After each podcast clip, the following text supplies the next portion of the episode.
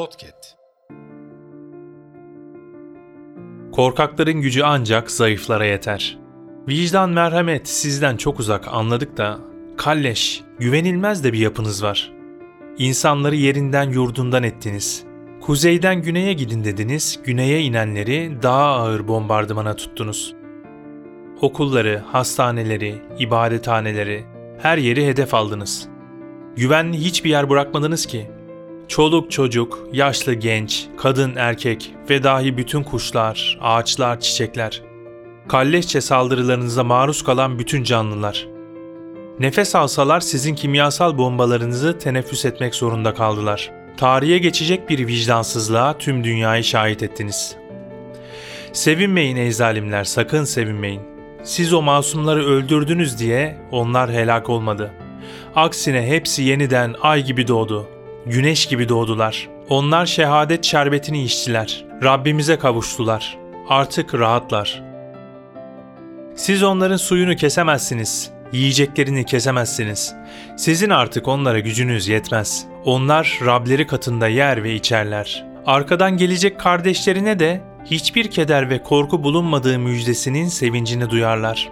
Nereden mi biliyorum bunları? Çünkü hepimizin sahibi olan Allah Celle Celaluhu Kur'an-ı Kerim'inde Ali İmran suresi 169, 170 ve 171. ayet-i kerimelerinde mealen şöyle buyurmaktadır. Allah yolunda öldürülenleri sakın ölüler sanma. Bilakis onlar diridirler. Allah'ın lütuf ve kereminden kendilerine verdikleriyle sevinçli bir halde Rableri yanında rızıklara mazhar olmaktadırlar. Arkalarından gelecek ve henüz kendilerine katılmamış olan şehit kardeşlerine de hiçbir keder ve korku bulunmadığı müjdesinin sevincini duymaktadırlar.'' Onlar Allah'tan gelen bir nimet, bir lütuf sebebiyle ve Allah'ın müminlerin ecrini zayi etmeyeceği müjdesiyle de sevinç içerisindedirler. Ayrıca o zalimlerle ilgili de Rabbimiz İbrahim suresi 42 ve 43. ayet-i kerimelerinde şöyle buyurmaktadır. Sakın Allah'ı zalimlerin yaptıklarından habersiz sanma. Gözlerin dışarı fırlayacağı bir güne kadar onları ertelemektedir. O gün başları kalkmış, gözleri kendilerine dönemeyecek şekilde sabit kalmış gönülleri bomboş halde koşup duracaklardır. Siz bu toprakların 80 yıldır, belki daha önceden beri peşindesiniz. Toprak sevdanız dedelerinizde de vardı. Ne oldu? Şimdi o sevdikleri toprağın üstünde değil, altındalar. Bu toprakları siz de ele geçiremeyeceksiniz ey zalimler. Gücünüz yetmeyecek. Ve geride kalanların da kalplerindeki imanı yıkmaya topunuz, tüfeğiniz yetmeyecek.'' Helak olacak olan sizin gibi zalimlerdir. Ne yapsanız boş. Kudüs bizimdir. Mescidi Aksa bizimdir. Bu topraklar bizimdir.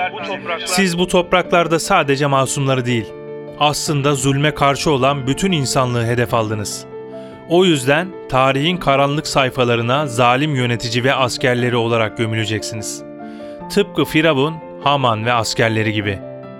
Öyle leş bir miras bıraktınız ki arkanızdan geleceklere, bir lanette onlar okuyacaklar size. Çok uzak değil, 50 sene sonra birçoğumuz hayatta kalmayacağız. Ama tarih bu katliamı kaydedecek. Kendi soyunuz da dahil, yeni nesil sizi böyle daha iyi tanıyacak. Allah'ın gazabı, laneti sizin ve sizin gibilerin üzerine olsun.''